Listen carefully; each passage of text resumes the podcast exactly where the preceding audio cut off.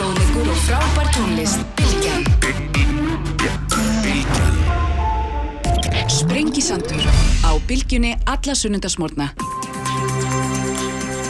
Komið sæli hlustundur, þá höldum við af stað hér eins og leiðlikur á Sprengisandunum þegar verða hérna hjá mér lokþáttur Eirik Bergmann, profesor Jón Stór Skúlason, Frankvæmstöri SAF, Otni Haraldóttir og Bryndís Haraldsdóttir ræðum þá COVID-krísuna og leiðir út úr henni. Ég ætla að ræða við Reyn Grímsson um hús, trefjaplasti, verður mjög forvitnilegt en ég ætla að byrja allt annar staðar því að hér hjá mér er Þorstein Már Baldinsson sem er fórstjóri Samherja, velkomin.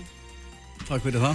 Eh, sko það er, hérna, það er auðvitað margt um að tala og uh, ætla að byrja einhver staðar að hérna, þið eru nýbúin að senda frá ykkur þetta myndband sem einhvers konar svona upphafaða málsverðin ykkar í ef að kalla það selabankamöli til svona einföldunar og ég veldi fyrir mér af hverju vegna þess að nú er það þannig að þetta mál er ja, grunningin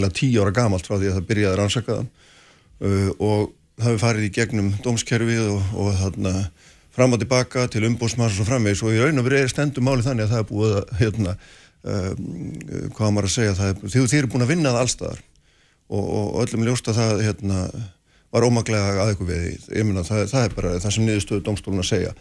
Og maður veldi fyrir sér af hverju ertu að ífa þetta upp núna? Þú ert með hérna, held í málsöðun og hendur selabankanum í gangi. Uh, hvaða veku fyrir, vaki fyrir ykkur? Já, við fórum náttúrulega að ífa þetta upp þetta mál, við vildum um, þetta máli er í raun ekki búið, það er eins og segir þetta mál fer til domstólana en hins vegar má líka benda á það að umbósmar alþingis kom að þessu máli og, og hann fór yfir samskipti Rúf og Selabankans hann sendi það mál til til uh, fósinsráðara sem sendi það síðan til löðruglu mm -hmm. þannig að rannsók löðruglu á þessu máli þar að segja samskiptum Rúf og og Sælabanks, það, það er til rannsóknar löðruglu eftir beini frá fósinsráðara mm -hmm. Þann, þannig að það er í raun tvö mál í gangi augnablikinu en það að sjálfsögðu En hvað ykkur var þar, þá er búið að, er búið að segja þetta hérna.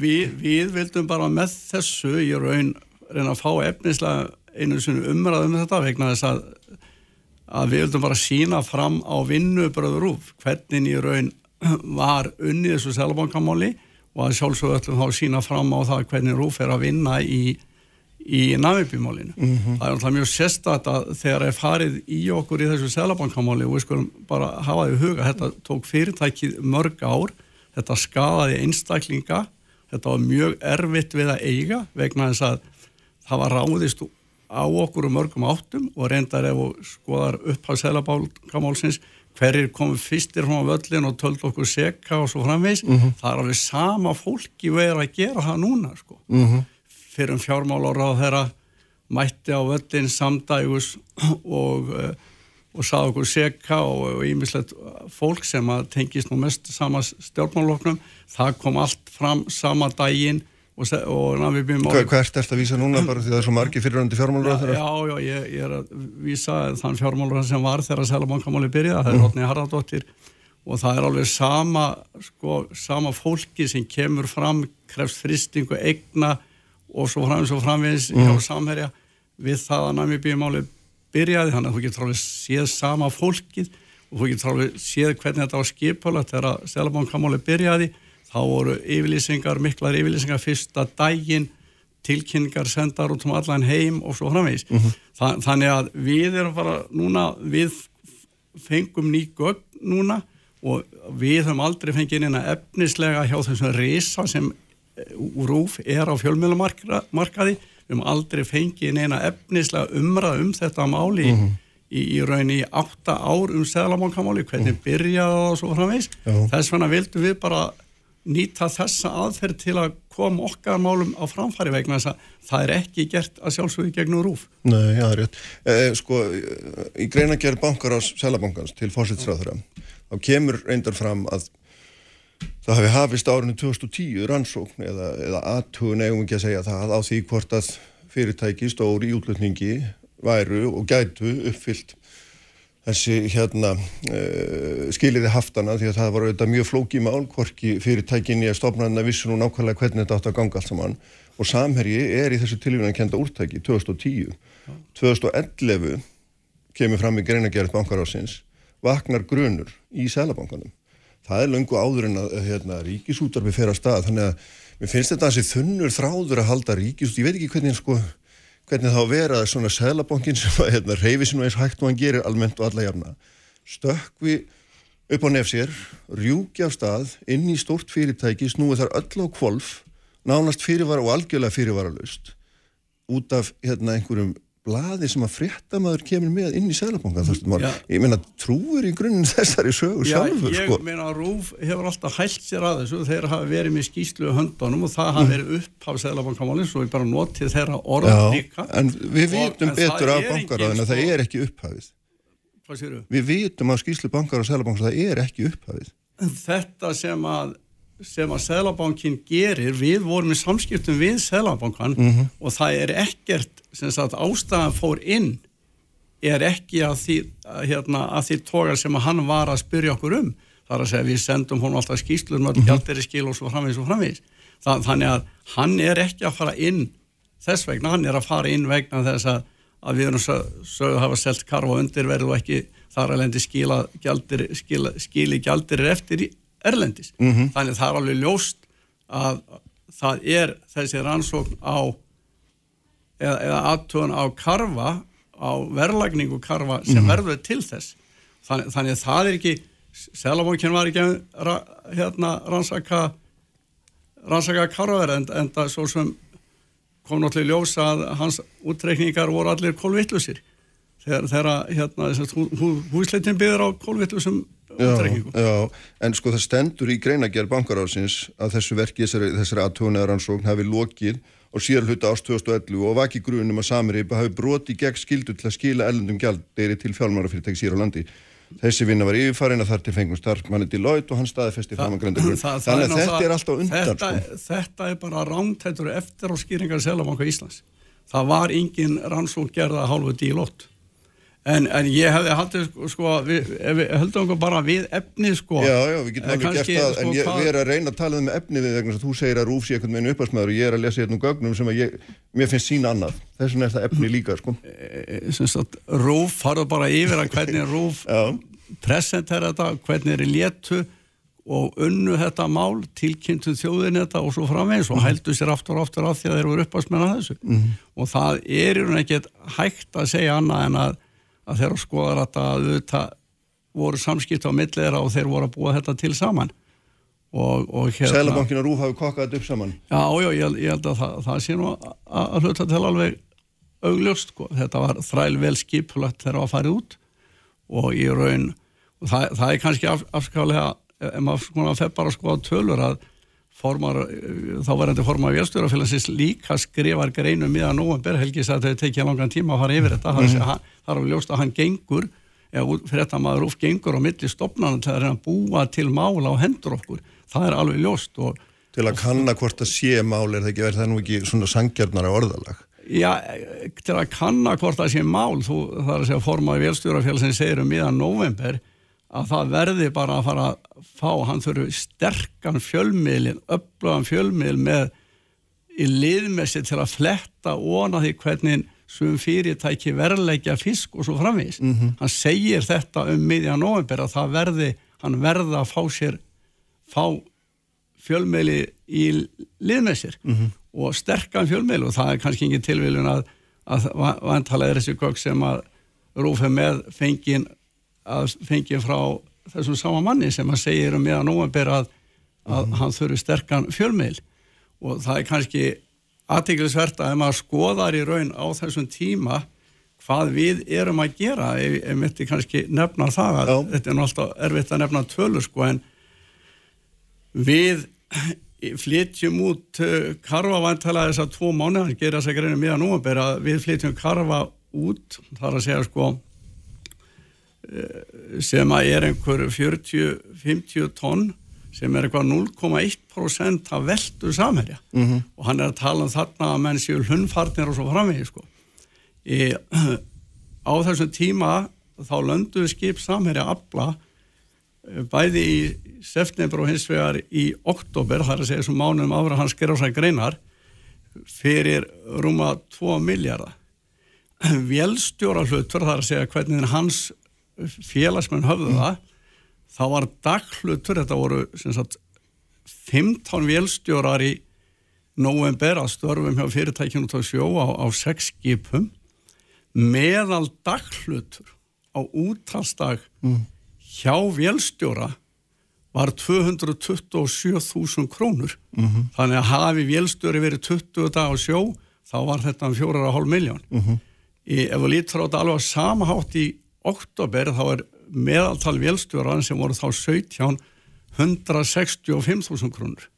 Ef við lítur síðan á það að hvað hérna hvað við seldum að feskum karfa á þessum tíma er það eitthvað 0,1% af veldunni? Og ef þú segir, herru verðið hefur kannski við átt að vera 20 krónum að hæra eða 15 krónum að hæra, ég veit ekki hvað allar að miða við mm -hmm. þá hefði þessi hlutur aukist um einhverja svona 45 krónur þar að segja hann hefði farið á 227.000 í 227.045 krónur. Mm -hmm. þannig að þarna er maður að launa þarna eru laun vélstjóra á kannski á 50 miljónum mánuði og á 40 miljónum mánuði. Og þessi maður segir það að við sem að flytja út miljarda og á þessum tíma eins og ég segi þetta eru örfá tonn sem fara að ferskum karfa. Vi, við, erum að, við erum að veiða um 1500 tonn að karfa þessa mánuði sem að eða sko bara segja 1800 tonn að karfa þessa mánuði haustmánuði og það fara kannski rúm 100 tonn eða 4% sem fara fest á þessu tímali einu og hálfu ári uh mhm. -huh. þannig þetta, þetta er ekkit magn þannig ég er bara að sína fram á hva, hvað þetta er eiginlega sko eða stjórn og galið. En það kemur nú reynda fram í þættinum að, að hérna, það séu vísbendingar og grunur um að því hafið stundað einhvers konar undirværilegningu svo árum skiptir. Það er nefnt sérstaklega já, það, og þú hafnar því þá kategórist algjörlega. Það er ránt sko, við, það, það er ekkert hægt að sko stæðsti fiskmarkaðar, karvamarkaðar í heimi er Ísland. Mm -hmm. Við vorum að rákum þrjá fristitóra. Við vorum að veiða aðala þorsk eh, að það sem var fest og ísu og þú getur sagt að að eh, við erum með við, við löndum þess 2011 á löndum við einhverjum 180 á 16 mánu tíma 180 tónum af gullkarfa sem Helgi er að tala um. Og það er gert í 140 löndunum. Þannig þetta er bara meðabli sem fæst í mörgum hólum verið að flytja þetta á milli kara og svo framvegis. Þannig þetta er ekki neitt sem skiptir máli. Mm -hmm. og er það eins og ég er að segja sko allar menn virkilega að bera upp á mig þegar, þegar maður er greiða eins og til sjómana í september 750 miljónir ég er að greiða 726 miljónir til sjómana í oktober allar menn eitthvað að fara að segja mér það? Í laun sko, til sjómana allar menn eitthvað að fara að segja mér það? Að maður er náttúrulega að vera stoltur að þessu að ég hafi haldið eftir einhverjum 50.000 krónum samtals í öllum sjómanunum e, e eða 70.000 krónum. Hvað, hvað, hvaða vittlis er þetta mm -hmm. og þú getur ekkert eini markaður sem getur borið sama við við erum að landa 500 kg 200 kg, 300 kg þetta er í einu kari, þetta er í tveimu kari hvað, hvernig er alltaf að verða ekki þetta eina sem getur þá meða við er fiskmarkaður á Íslandi og við vorum á ná, sambarilegum verðum þetta sveiflaði sér til mm. mánum þú getur skoða að fiskmarkanir til mánum eins og allt er, það munar 100 krónum í júli eða, eða desember á, á verði á fisknum, þannig að þú verður að sjálfsögða að taka saman hvenar þetta er gert, mm -hmm. gæði aflans, mm -hmm. sölu skilmála og svo framvís og framvís. Það er ekkert gert En gerur þá ekkert með þessu tölur sem að verðast ofan yfir hérna, auðvuslega tekið saman mér alveg saman hvortu kvöldlega eða skýslugagn eða, eða hvað það heitir ég, það, ég, það, er, það sýnir annað sko, við, Það er búið að gera aðtóanir á okkur mm -hmm. og þú verður að það sýnir ekkert annað. Þar að ég, hef, ég veit alveg nákvæmlega hvað ég gert. Ég hef öll verð á fiskmarka á Íslandi og þeir eru að selja eitt kar eða hálf kar eða tvö kvara fiski mm -hmm eftir hverja löndum kannski mm -hmm. þá getur ekki þetta annað en sagt að heru, við ætlum bara að miða þetta við hérna, verð á fiskmarka á Íslandi. Og svo, svo voru að hafa í huga líka að hverju ættum að vera að flytja sko, fisk til hérna endela Þískalands, það er að segja Þískaland er nú svona allt í röðu reglu held ég mm. og, og þetta er fyrirtæki sem er gangandi og fylgir þeim lögum og skattalör hérna, reglum sem þar eru skattar í Þískland eru 10% hærri á þessum tíma heldur á Íslandi sko. og svo er mann að hafa líka huga að við erum að flytja meiri fisk inn mun meiri fisk inn til vinslu heldur í þessu tilfelli fór frá framherja út og það flyttur að vera að skoða líka af þýsku stjórnvöldum hvað, hvað fór út? Og þetta er verið að bera saman í Þýskalandi erum við að færa peninga til Íslands frá, frá herra skatt landi til lægra og svo framvís ég vel líka uppfællaði lög og reglur þar. En þetta er ekki sko, þetta gengur ekki að þegar þú landar einu tonni 300 kg, 500 kg 700 kg, öllu þessu þú, þú, get, þú getur bara borðið þetta saman við íslenska fiskmarkað og það er alveg hægt, við stöndust um allan samanbúr þar. Við erum kannski 3 krónum hæri, 5 krónum eftir hvað mánuður þetta er, það er ekki það að bera eitt saman við annað, mér hefur aldrei ég hef aldrei fengið efnislega umræðum þetta, aldrei. Þú getur ekki sagt það sko, að, að það sé að það færi húsleit út af það að uppgjörsvar að karfa á hverju mánum hafi verið 7 krónum að herra og samirheldur var á það mismarkaði 7 krónur, voru það ekki 100? Þa, það, það er bara hrein ósanindi eins og svo margt annað eins og þætti það er það sem ég er að svara. Það er ekki hægt að miða við. Þú verður að taka saman, bera saman söluskilmála og svo framvegis og framvegis og þú getur ekki borið neitt annað sko, en við fiskmarkan á Íslandi sem er stæðsti markar það að landa 700 kílóum eða einu tonni eða hvað þetta er af þessum hundar á kannski 60 löndun festfiskipa eru kannski 7-8 þar sem er karfinur umfram 10 tonn við erum fyrst og hennast að veiða þorsk og þetta er bara meðafli megna En þessu er, sem að er kemur. þessir tveir mánuður sem sagt, þeir, það eru þeir sem liggja undir í þessu vegna, ég hef náttúrulega ekki séð þessi nei, gögn nei, frekar það- en er- annar maður. það er eitthvað á. meira sem liggur undir. Það, það líkur, en ég, ég er bara að segja við, ég tek þess að tvo mánuði sem dæmi áður en hann skrifar þetta bref en þú mátt taka alla sögum mánuðina þú mátt taka alla mánuðina, ég skal gefa þér hérna blað sem sýnir bara okkar verð og verð á fiskmarkum á Íslandi og þessu hefur vantlega komið að framfæra öllu við stjórnvöld og, þarna, og, og það sem hafa verið að skoða eins og vel að stóna hlýtur að vera eða hvað? Nei, ég, sko, ég, við, það verið gerðar aðtónir hjá velastofu og við höfum svarað þessu og borðað þetta saman og svo framvegis. Og við höfum aldrei gert hérna, það verður aldrei komin einn aðtóð sem við þetta, þeir gera aðtón á hverju ári á einhverju skipa. Og auðvitað er það þannig og þú veist alveg mun á skjali, vinnugagni eða minnisblæði og já. Þa, það, er, það, er, það er alveg skýrt. Já, algjörlega hárétt en, en upplýsingarnar geta verið þar sömu enga síður og jafnmerkilega sko alveg sama hvað þú kallar gagnið. E, e, sko, ef, ef þú ætlar að bera saman sko, það, það kemur 1,5 karfa, karfa kannski 500 kíló það veitti 20 hólum það er búið að færa karfan margóft á milli, ka, milli kara við, við hvað ætlar að bera er ekki, er ekki eina sem getur borið við er bara fiskmarkaður mm. á Íslandi sem er stæðsti karfamarkaður í heimi En af hverju, hérna, sko, notið þið ekki þessa málsvörn sem er hérna hófleg, skinsamleg og ég ætla ekki að dæma um hvort hún er réttur því ég hef enga fórsendu til þess í stað þess að beita þessari aðferð sem þið beitið sem er í senn, sko, já, hún er náttúrulega harkalega ósvífun og það er ekki hægt að segja annað. Þa- En þess að þú segir alltaf sjálfur Þorsteinn Már og tekur alltaf eftir því þegar að vera að ræða um ykkur þá segir þú alltaf að það verður að gera árás á starfsfólkið. Já. Þú segir það alltaf. Þarna ferð þú og þið og takið beint einn mann sem er raun og veru bara starfsmaður á golfi í öðru fyrirtæki og gerir beina árás á hann. Við, við erum bara að ekki segja nei við jú, það er nei, þannig, já, við, já. við, þetta er bara þetta er efnislega svona þetta er, vegna við höfum aldrei sko þegar við fáum staðfyrst að skýslan ekki til og við höfum aldrei síðan og við erum búin að fara í gegnum öll, okkar gögn. En gagnið við er erum til, bara, við erum þetta er að svo leiðilegt skýsla, gagnið eitthvað, tölurnar eru þar sem þær eru. tölurnar er sem eru Já.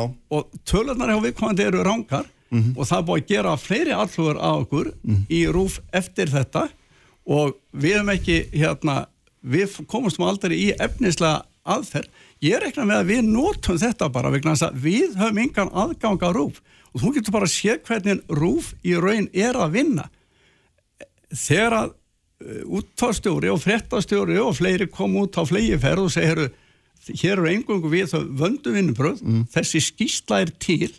Og þetta er fyrirvændi, þú ert að hlusta lögreglustjóra, Já, já. en hann er þá örgla búin að kynna sér þessa skýslu sem við höfum ekki séð og, og ég er enda að skila ekki sko, hvað tekur langa tíma fyrir að ljósa þessa skýslu það er engin persónu greinanleg gögn í þessari skýslu, það getur vel verið að sé nafn hjá einhverju sem að hjá- hjálpaði hérna ónöndum fréttamann að búa hana til, ég veit ekki um það en ef skýslan er til sem að að útvarstjóri og fyrirvendur lauruglustjóri búin að kynna sér og sér sér til og fer með ykkur off-horsi í samhýra og við höfum ekki rétt á því að verjast við erum stórt fyrirtæki við erum bara lítið fyrirtæki á þessu markaði og miðar hvað mhm. rúfistórt. Mm -hmm. En þetta er nú eitthvað getur... spurning um hvernig maður gerir hlutina þorstinn, maður þarf ekki alltaf að hjóla 100% stað þó að möguleikin sé fyrir hendi. Þetta er líka spurning um framsetningu skilur og annað í þessu, þú ert með einhvern laurglumann hann inni sem að, hérna, var nú held í reginu laurglunni og, og, og er bara alls ekki trúverðu og svo er þið með mann sem að hérna, allir vita er lögmaður ykkar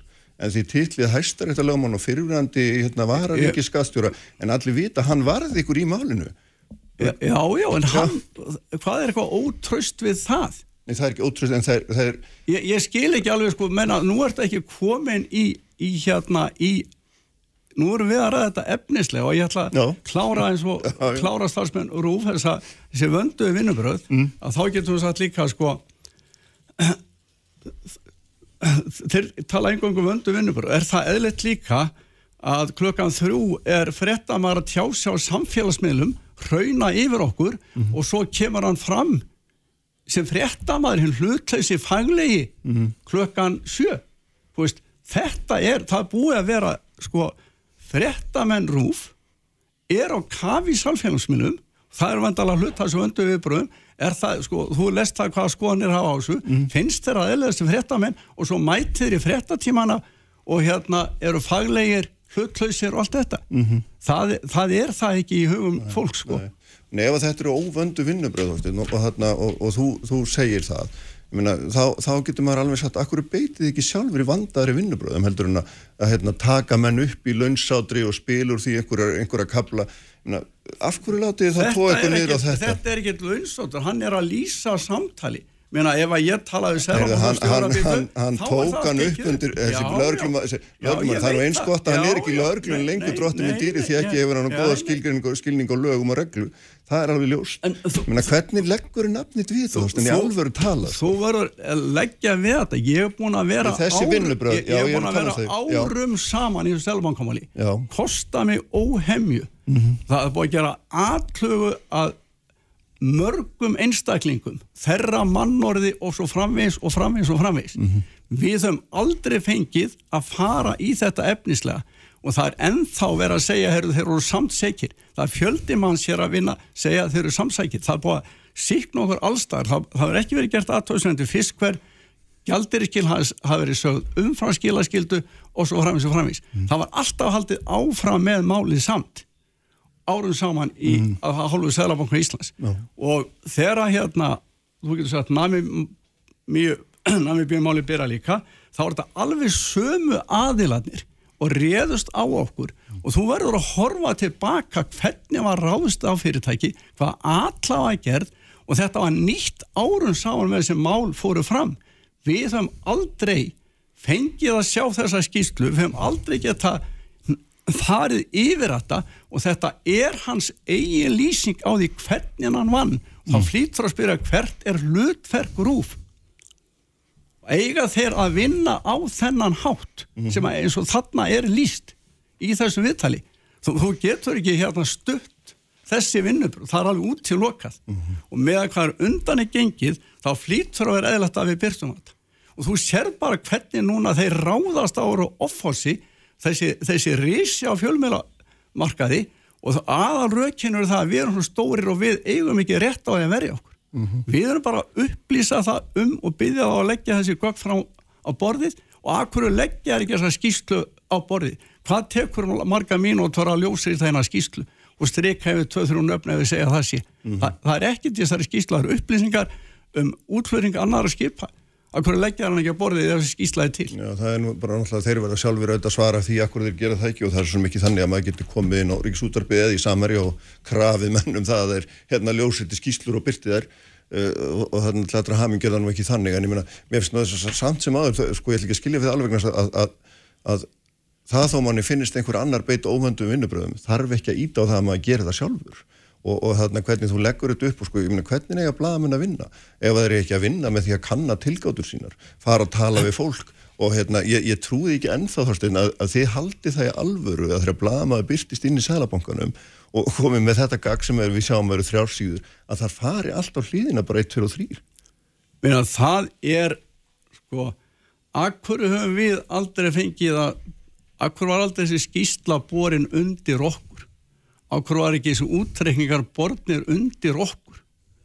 Og það fara alltaf hliðina. Finnst þér eðlilegt að það er útflutt kannski 12-14 tonn að karfa mm.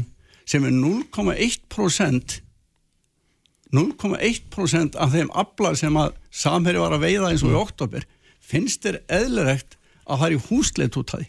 Húsleit er ekkert mjög gróft yngripp mm -hmm. ótrúlega gróft og ég held að það veit engin hvað er fyrir hann upplifið það.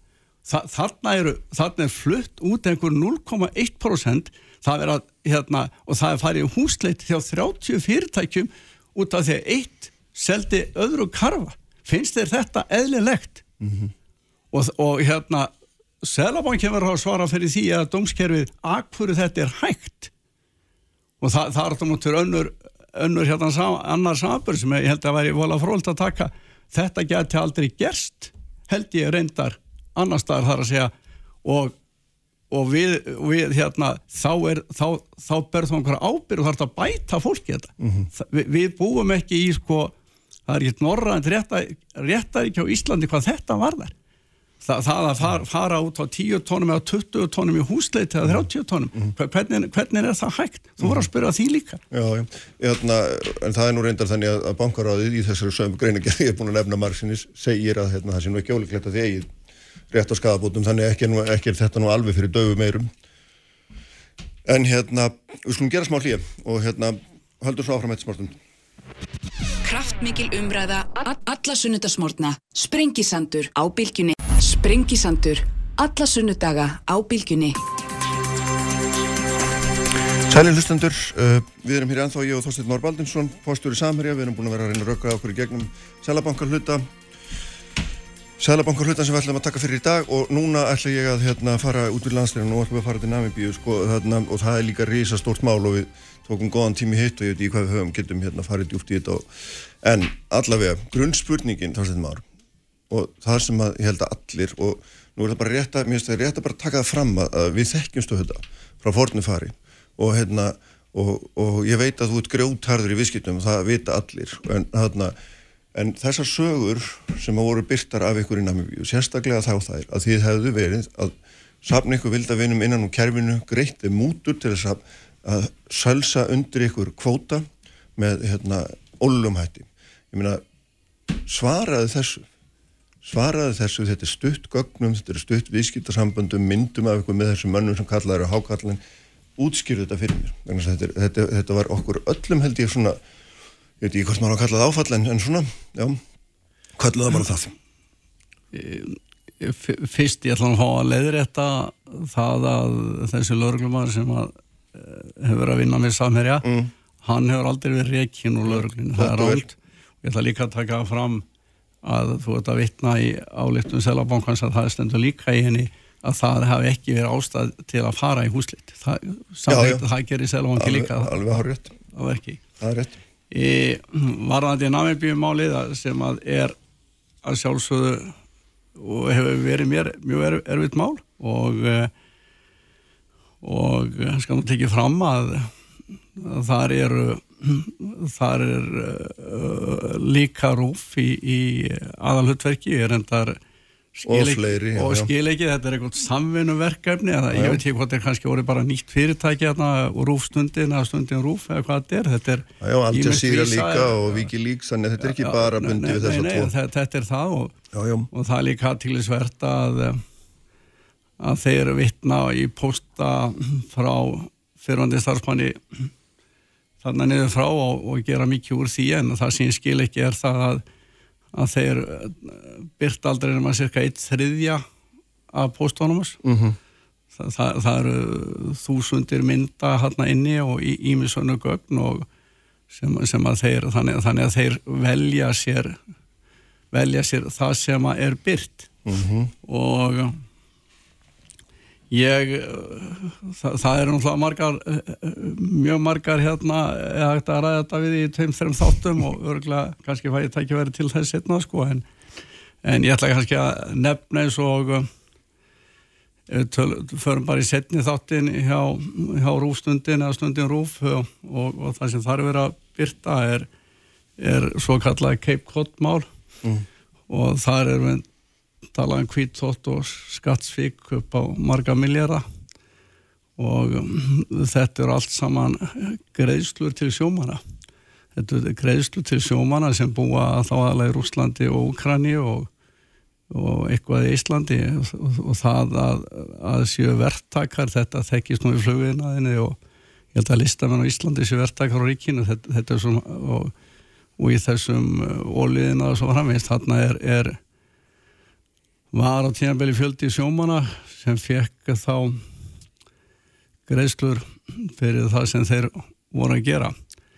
Og þarna er sagt að við höfum bæði sveikjörða skatti já, og gegnum félag í Márutanni, er ekki að tala um það? Já, já Marcelin, það var aldrei einn einasti peningur þar farið í gegn. Nokkuð tíman og, og hérna og við þetta er allt saman þessir, verður að tala um marga miljardar, þetta er þetta fer allt til þessara manna mm. vegna gjaldirisafta í Namibí og það þurfti náttúrulega að fá leifi fyrir þessa menn til að koma inn og, og leifi til að fara út og greiðsluna fóru að hluta til fram það þurfti að leggja fram eh, passaðir og ýmislegt til að fá greiðslu fluttar á landi og vegna haftana þá var einstakar sinnum sem að þessa greiðslu voru ekki til og sko að hafa það huga að, að menn voru kannski búin að vera hérna í tvo eða þrjá, fjóra mánuði mm. og það væri eðlert að, að það veri staði við eh, að Já. þetta fólk fengi sína greiðslur en, en það er ekki, Cape, sko ef við tökum þetta Cape Cod þá, þá, þá er það þannig að þetta voru allt greiðslur til sjómana mm. einstakar sinnu þegar greiðsluna bárust ekki á réttum tíma þá lánaði fyrirtæki tengt samherja þá lánaði það Cape Cod peninga til að hægt var að standa við greiðslu til þessar manna. Mm. Þannig, þannig að þetta er einhverjum greiðslu til þessara verktaka þeir á búið að stilla þetta allt af alla þessa miljara og, og sva, sagt, fara yfir þarna voru ímsast ásakanum kvítótt og skattaundaragnar oh. þá munaði 5 dólarum sko, 300 krónum af öllum þessum miljónum sem fóru ekki já, til þessara, en, til þessara sjómana. Þannig að þetta er bara svona hluti af því Þannig að gerður mjög ljótur þáttur og þetta er niðurstaðan af því mm -hmm. og það að, að, að menn hafi sérst hvað myndir það verið myndir af mér? Ég fór, fór til námi það er myndir af fólki með hún nefndir það sko. Já ég nefndi já, já. það vegna þess að þessir menn spila stórt hlutverk í þessu þessi ákvallar ekki, já, þú, nú ertu búin að fara með mig eitthvað út í Cape Cod ég spurði þeim alltaf hann hlut sko. já ég ætla bara að endur taka spurninguna. Greittu þið þessum mönnum mútur fyrir að útvega eitthvað kvóta, það er stóra spurning Svar er bara nei þar er bara nei. Já. en hvaða greiðslur voru þetta þá sem runnu til þeirra? En það gerði það þegar það var sjálfur rættar sko yfir höfuð voru þetta allt greiðslur til fyrir veiðihemildir en ekki, ekki á persónlega reikninga þessar að þryggja manna sem þarna mest um ræðir. Sko það er það likur fyrir. Það, það likur líka ljóst fyrir að við höfum aldrei komið í þetta land áður ekki starfað þar og svo framvegs og framvegs og það, það er alveg ljóst að við greitum einhverja greiðslu til ráðgjafa. Þetta aftur ándi kemur og hvað þýðir allt, þetta allt nákvæmlega þóttið maður greitum einhverja greiðslu til ráðgjafa það er það sem þetta snýst um. Er greiðsluna til ráðgjafan innan gæðslappa eru það er einhver smörning á það að afla sér veiði heimilda fram hjá lögum og reglu það er það sem þetta snýst um. Ég, við, segja, við, við höfnum því Já. og þú ert nú komir endar sko í sagt, það er verið að breyta útvöldun veiði heimilda þarna og svo framins og framins mm -hmm. og það er búið að því að taka ákvörðum það áðurum við komum þarna neyrittir og þetta eru og, og þú eins og þú segi þar var dýpri þetta mm. þarna eru til dæmis mjög mikil átök svartir kvítir í raun mm -hmm. þarna verðum að segja að vera að færa veiði heimildir frá það sem hvitt fyrir Suðurafrikum er riðið yfir til, til í raun heimamanna. Og, og það er verið að breyta þarna uh, þá kerfinu. Þeir eru að setja sér nýja, ný markmið. Þeir að fara meðal annars í uh, byggju blandvinslu og svo framins og framins sko. Þa, þannig að það er ekki það, því sem ég hafna og, og mun sína fram á nákvæmlega sama við höfum sínt fram á að, að við varandi skattgreðslur og fleira sem við höfum uh, sínt fram á núna þá munum við sína fram á það að við höfum ekki verið að múta fólki En sko, sem maður lesa þetta í gegn og staldra við ymsal hluti, til dæmis fæslur á reikninga í Dubai í stórum stíl bæði meðan að þarna, Jóhannes var þarna en líka eftir hvað er það? Þa, það, er, er það? það eru ekki stórfældar greiðslur eftir að Jóhannes fyrir þær eru til, þær eru til staðar og við, við munum útskýra það það, það, það er alveg ljóst að, að við við höfðum stjórnanda hérna sem brást trösti og trúna okkar og það eru hlutir sem voru gerðir sem að okkur þykir miður. En það er vegna þess að ég hef verið lánsamur varandi fólk og í þessu tilfelli var ég var ég hérna var ég bara mjög ólánsamur Þannig að það er svarið því voruð með menn þetta niður frá sem þið gáttuð ekki haft neina stjórn á. Er það skýringi, þannig að nú kemur líka fram að það er fullt af köknum, þú segir að séu skortindi sundu tölubústar, en það er nógu mikið aðeins til að sjá að þeir eru skrifaðir til trúnaða vina þíns aðsteins Helgarssonar sem er búin að vera með þeir í Guðmávita hvað mörg ár. Og eitt er að hljóðaði meðal annars upp á ég að borga sjáurútisráður en þetta, já, er svarið. Hvernig námar að skilja þetta þorstumar, öðruvísi? Ég held að við munum við höfnum því að við höfum verið að múta fólki mm. og, og hérna og það er fundur núna sagt, það er búið að fara með miklum látum hér á Íslandi að það þurfa rannsvaka það þarf ekki að setja eignir hjá okkur og svo framins og framins og, og, og hér að saksóknar er með þetta mál meðal annars til rannsóknar og það er hefur komið fram og við höfum látið hann hafa þau gögg sem hann hefur beðið um það er fundur með uh, norsku, þessum norsku lögmunum sem að vera rannsakæft að mál þá fundur er um miðjan september uh mhm. -huh. og ég held að við skulum láta þann fund fara fram, menn að það er gert í samvara með ósk hér að saksóknar að þetta sé í september og ég held að menn ætti nú að fara gæt til að vera fullir að nákalla saman í Sælabankamálinu við vorum teknir margir einstaklingar algjörlega lífi uh mhm. -huh. af hvort sem var nokkrum stjórnmálamönnum, bladamönnum og ímsöðuru og allar þar ásvækanir sem við urðum fyrir í Sælamankámanu, hver og einn einasta hún var hérna hún var í raun afsönnur mm -hmm. það, það tók okkur langan tíma mörg ár og, og var það sjálfsögðu þungmál mm -hmm. við munum nákvæmlega vinna á nákvæmlega sama hátt. Já. og ég byrð þess vegna menn kannski að menn ættu nú aðeins að róa sig og lefa okkur líka á tíma til Já, að fara yfir þetta mál. Hérna... Vi, ég hef búin að vera lengi hérna í viðskiptum, ég hef búin að vera að starfa í mörgum löndum. Og ég veit ekki akkur ég ætti akkurat að vera að bróta lög þarna þar sem að ég hef ekki gert það eins og kom fram í selabankamálinu eins og mikið aldrei, ég hef skilaði kostgjafni og svo framvegis og framvegis. Mm -hmm. og við hvort sem við störum í Þýskalandi, Englandi eða hvar við höfum starfað, við höfum aldrei verið ásakar um það að bróta lög og ég veit ekki að hverju ætti að gera það frekar en það að vera að snuða einhverja sjómennur okkar á krónur mm -hmm. sem, sem að, sem að hérna, rúfara að gera mm -hmm. og, mhm. og fleiri sko. En sko, sælabankamálið og þetta eru öðruvísi að því leitinu til í það minnsta að allt sem að maður er að leggja fyrir því er upp úr eitthvað eigin gögnum Þetta er ekki ónafgrindir heimildamenn eða einhver skísla á sveimi Þa, eitthvað. Þetta er allt upp úr eitthvað eigin gögn. Þetta eru völdum gögn. Já, já, en þetta eru samt völdum, eigin gögn. Þetta eru völd gögn. Já, já, þeir eru valið, ég veit það alveg auðvitað eru þau það. Ég meina það er alltaf það sem að gerist í þegar þú ert með kenningu þá fer það eldran og byggjarna með því sem þú farið, já, ég átta mig á því.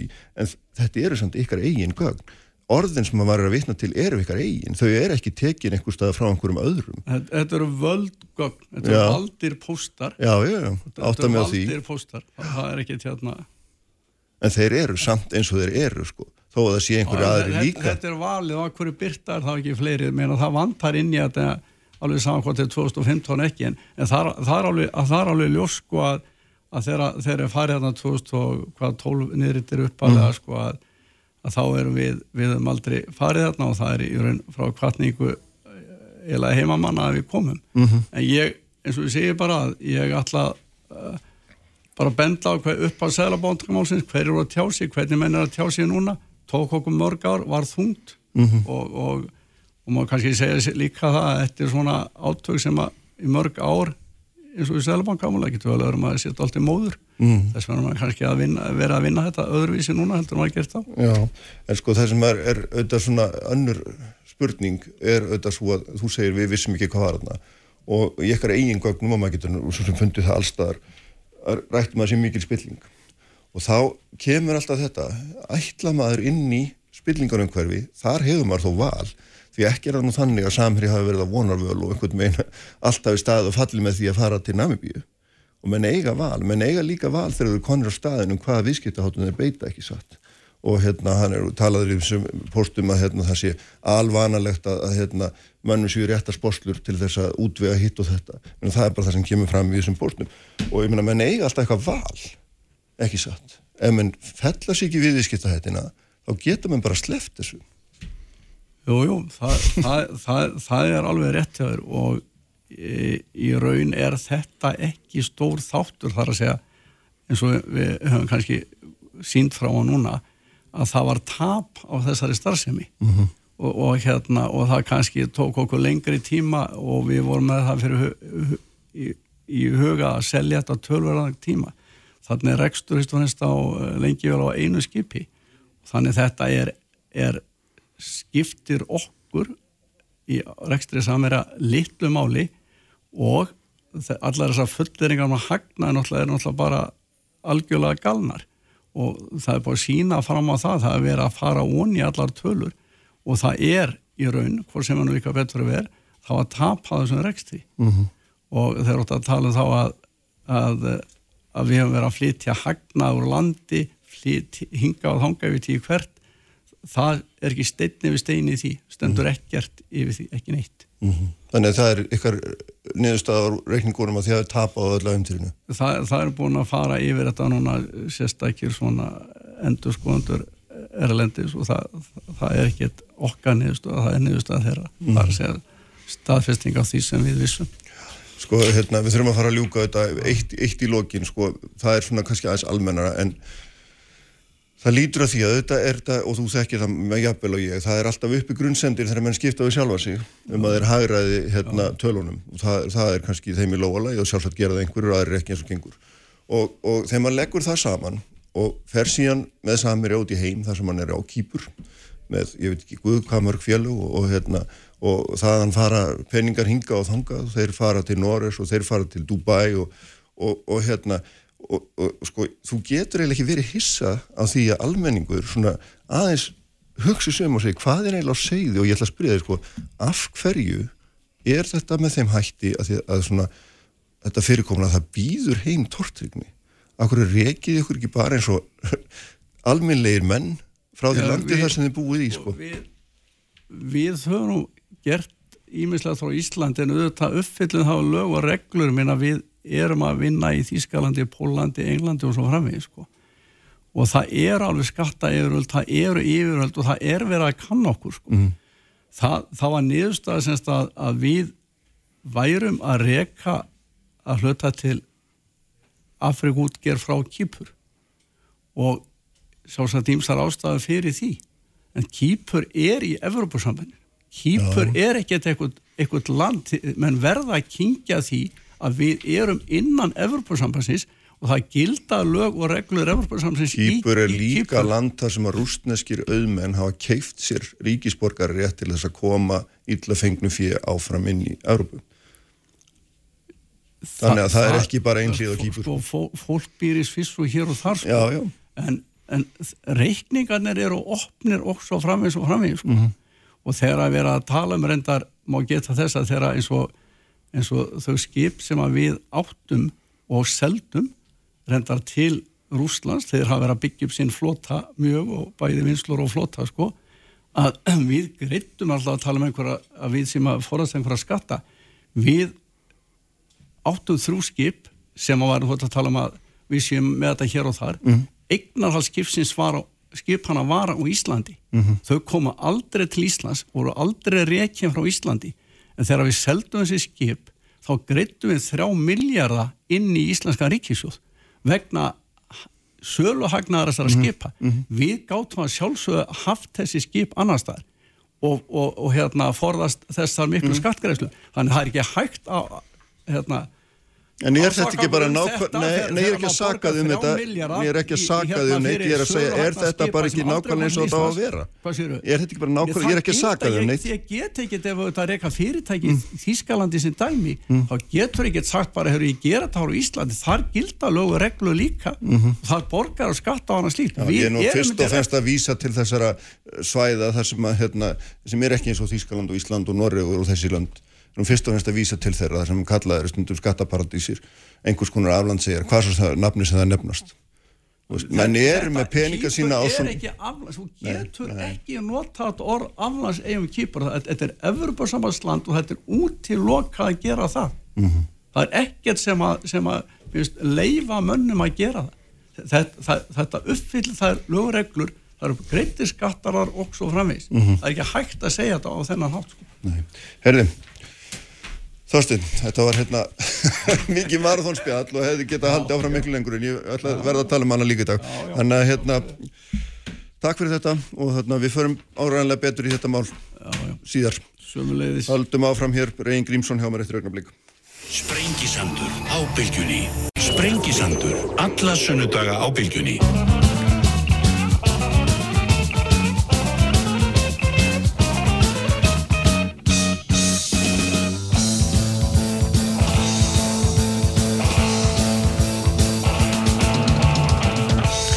Sælir hlustandur, haldum hér áfram á Sprengisandinu um Þorstein Már Baldunsson farið frá mér eftir ítalegt viðtalum þessi tvö stóru mál, Sælabankmákilega annars vegar og hins vegar þetta náðumbíumál.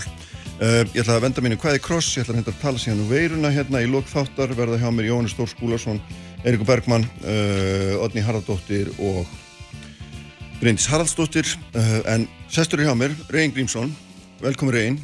Takk fyrir, takk fyrir að bjóða mér. Já, það er nú lítið. Hérna, sko, ég hef verið að fjalla um byggingaransóknir undarhörnu og þú hafðir samband um mig og, og hérna, maður leist mér ekkert á þig en, en svo sannfærður um mig um þetta efni, um þetta mál sem að, hérna, þú ert með og mér finnst þarna forvitinlegt að ætla að tala um við þig sem er að byggja hús úr, úr hérna, trefjaplasti. Nú datt orðið úr mér, það var eins gott, ég myndi það. Úr trefjaplasti, þú er, byrjar, þú ert hérna, fættur 1947, sagður mér, Já. þú ert bátasmiður á upplagi, Já. smíðaði trefjabáta, hraðfiskibáta Já, hérna- upphafsmaður þeirri hugmynd. Já, einmitt og hérna og ákvæðs og að tæknin, þessi trefjaplasttækni sem þú er, hefur verið að vinna með, hún Það væri tók mig 30-40 ára að finna út að þetta fengi geti átt vel saman steinull úr, hjó- úr Ósuns hérrasvatna já, og trefjaplast. Þetta er bara besta hjónaband sem til er. það þýðir með öðrum orðum að trefjaplastið myndar útvækina og eða veggina sjálfa og ytri, ytra byrðið og svo tref, neðinda steinullin er miðinu og með þessu ætlar að einangra húsin sem þú ætlar að byggja Þetta er, þetta er eiginlega sko steinullar hús. ert steinullar hús frekar en Frekar en- trefjaplastús Frekar en úr trefjaplasti. Já, en svo þetta hljóm ekki bara eins og eitthvað svona loftkent vittlisinga hugmyndi, menn þú ert búin að fara með þetta í gegnum alls konar prófanir og allt þess áttur ekki satt. Hún er að tala við alla þína prófita sem hafa verið hérna. Já, Björn Martinsson, Ríkard Kristjánsson, Ólaf Vallevík Mm. og þeir eru bara allir gapandi yfir þessu í stöttum áleik sko. Og hafa samþýtt þetta og þetta er búið að fara í gegnum alveg gríðarlega prófanir Mhm. inn á plastildinni hjá, hérna, hjá NMI og síðan í RB hlutanu hjá Mhm. Ólaf Vallevík og þar uh, Björn Martinsson, hann bjóð til uh, uh, prófuna hérna program Mhm. fyrir húsið og þeir voru með það í tvo mánuði sko, þetta var 15 fermetra hús í 2-3 mánuði að prófa það á átakanta -hmm. og hérna þegar að hérna, erfiðustu prófunu lög þá sagði nú Björn Martinsson þetta er stert eins og klettur Eh, sem sagt, þetta er það sama efni og við notum til að byggja báta. Nei, ekki nákvæmlega sama Ekki nákvæmlega sama? Þetta er í grunninn alltaf oljuafurð Já, en þetta er þannig eins og sástjörna ég var að kveiki þessu fyrir já, já, já, að þetta logar ekki. Þetta er ekki eldnærandi. Aha, og það sem meira er ef það lendir eld, eldsvoða þá er engin reykur. -hmm. og það er reykurinn sem drefur fólki en ekki beint eldurinn. Og, og, og þetta er semst komið það langt að, að þú ert að fara að reysa hús í Grindavík úr, framaðan eru þarna samþýtt að af þessu húsi já, og Því miður getum við ekki syngt þær í útarpunnu en ég sé þær hérna sjálfur og þarna allar stimplaðar í bak og fyrir og, og þarna, bendaður á þarna hérna eblu stimpilin sko. Það, er, það er hérna bruna hönnunin. Mhm. og hérna við þekkjum náttúrulega að hafa séð eh, træðarplassbáta eh, brenna stafnan á milli. En þetta bara logar ekki. En af hverju ætti fólk að byggja frekar úr trefjaplasti húsi sitt heldur en bara úr hefböndnum byggingareinu hérna, efnum sem eru margreindum aldir alda. Já, við erum búin að margreina það sko að búa marg sanna það að öll hús á Íslandi þau leka. -hmm. þetta bátar það er alveg óþekkt að þeir leki. Allt verklag er fengið úr bátasmiðinni hvernig ég festi húsið við grunninn hvernig ég setja saman. Það er alveg óþekkt að þetta leki. En það er bara ég horfi bara út um glugga hjá mér raðhús eh, lengja veist að klæðin allir splungu nýtt að því hún laga öll. Mm annar hús sem er aðeins eldra og móka öll út úr húsinu að það lekur. Þetta eru bara ný hús en þetta sem við erum að bjóða upp á í dag það eru bara hús sem að endast já ég veit ekki hversu lengi en uh, það, það, það veit engin sko. Kannski bara fimm ár Nei, Nei. ef þú ert að hérna, lokka mútið þetta, þá er ég alveg tilbúin að segja, sko, og þá hef ég þetta eftir verkfræðingum, Mhm. að þau endast á bílunu til, eh, já, segja 500 til 1000 ár. Og ekki nóg með það, það er ekki bara 5.000 þá nei, ég meina Nei. þetta getur nú ekki verið. Já, er það? Já, ef þú bara kíkir á, hérna, sko, rök umhverfið sinna og sem er að tala á móti plasti, sko, þá segja þeir að þetta endist í 500 ár út í náttúrunni, þeir eru alltaf að tala um hýta, hýta mýkjandi efni en tregaplast er hýta harnandi efni. Það er allt önnu kategória það er svona svipað og fura og harfiður þetta er harfiður sem ég er með endist miklu betur. Þannig að þó að þetta sé plast já, og þó að þetta sé búið til úr oljum já. þá heldur þú því fram að þetta sé vistvænt? Ég bara stið það hérna gögnum og bara fullir því að þetta hús hérna til dæmis Háskóri Íslands er að gera viss, hérna fyrir skreiningu hjá okkur. Og það er yfirgnæfandi líkur á því að þetta, þessi gerð húsa verði nummið tvö á eftir snjóðsum í hvað snerti virðleika hvernig sko að því að ef maður stendur fyrir fram að svona hugmynd einhvern veginn og fer að velta fyrir sig hvernig lítur hús út og, og hvernig lítur svona hús út? Ég meina er þetta bara eins og svona hvítur plastbátur utan herfilega hérna einhvern veginn óspennandi eða hvað? Þetta er rosalega fín spurning. Já, konta á mig gott svar. Já, þegar þú horfir á húsi sem ég hef búin að gera tvö hús, eitt er í Grænlandi og annað er hérna sögur í Vógum þá lítur þetta út eins og að sé flísalagt úr flísum sem eru 60.120 og með svona perlu áferð og það sér enginn að þetta sé neitt træðaplast þannig að, en hins vegar er þetta fyrst og fremst verkefni arkitekta framtíðunar að hanna hús úr þessum öfnum og uh, ég ætla bara benda á snekkjurna sem fyll allar hérna listibáta, snekkjur, hérna hafnir í hérna ellendis, þetta er 90% úr dreifaplasti af því að þetta er besta efnið, endis best og besta formaða alltaf þegar einhver kemur svona hugmynd og hún verið störa svo, svo briljant að það er einlega hérna, það er einlega, það er ofgóttlega geta verið satt og, og þá fer maður að velta fyrir sér ef þetta er svona snjált Já. þú ert ekki eini maðurinn í heiminum sem hefur unni með treyjaplast, akkur er þetta ekki til fyrir lungu síðan? Já, ég er nú komið enga að lifa á þetta. Já, einmitt, það þýðir það að það dætt engum í hug þessi spyrða að tengja, eða þetta hjónaband uh, steinull og hérna træðaplast menn hafa verið að- fykta við annað efni sem að þetta er póliúrðan en ef það lendir og elds og að þá bara drefast allir. Það er rosalega eitthvað sem koma frá því. Í þessu þá eru bara engar eitthvað þetta efni var hanna til þess að búa til uh, lesta, hérna lestavagna og þar með, má ekki hvorki verið eldnærandi nýja reikmyndandi. Og ég er búin að prófa að standa fyrir ofan svona eld og, og anda þess að mér og það er allt í góðu og, og hérna sem sagt bara sem maður, ímynd, sem maður sjá þetta fyrir sér þú, þú reysir vegg og það er ytrabyrðið veggjarins bæða innan og utan er þá treyjaplasti, síðan kemur steinullin á milli ekki satt? Eins og þú ert hérna hérna- með sínusotn, já, já, Já. ég horfa á þetta að reyna að lýsa þessu. Þetta er sko burðar og þetta er burðaveggur þetta, hérna, þessi þrýr bita og hvernig hérna, og hvað með, hvað með, hvað með innri innri, inn, inn í hús, innan í húsinu, ég meina, er hægt að blanda saman, er, er við að tala um það allar hurðar og allt verða að vera úr trefaplasti og nei, það er allt hefbundi, allt hefbundi bara. það er allt hefbundi. Eins og þá, hérna, ætlum við að, getur, menn geta verið með til dæmis eh, plastglugga í hérna húsanum eða líka bara limt gleri beint í vekkina. Það er svona það sem við prófum upp í NMI hérna fyrir nokkrum árum og það er bara alveg pottet og uh, En það lekur ekki með gluggunum þannig. Nei, nei, nei, nei. Ólaf Valvík, hann vitna nú í það að já, nú hérna, fengi ímislegt að lána úr bátasmiðinni og það er alveg rétt. Það er, ég- hvernig festu húsi nýður á sökkulinn, það er bara svona að nafbriði af uh, hvernig festu nýju vélar í skip. Og svo aftur, hérna, ég er náttúrulega limti gler í rúðunar í bátana í- í lang, flest árin og það er alveg óþekkt að það leki, sko. Ég gerir svipað. Já, einmitt.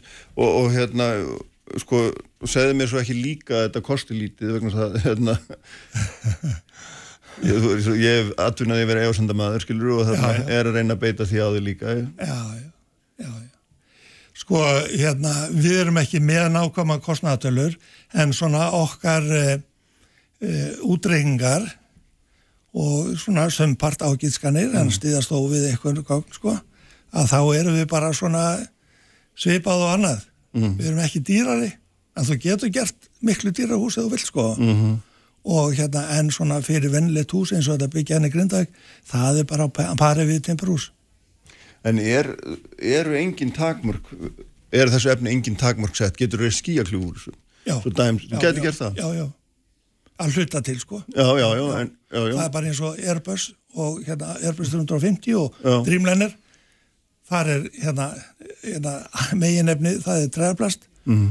og kápan utan á þeim vélum er, hún er eitthvað 3 mm á þygt En hefur engum í alvöru dottið í hug að prófa þess að byggja hús úr þessu annar staðar? Er, Hefur, jú, jú, það Já. var einn maður sem heitir Volkan Feyerback hann prófaði þetta í Þískalandi fyrir 50 og einhvað árum og ég fór og skoðaði það hús fyrir hérna 5 árum síðan. Og það bara sér ekki á því.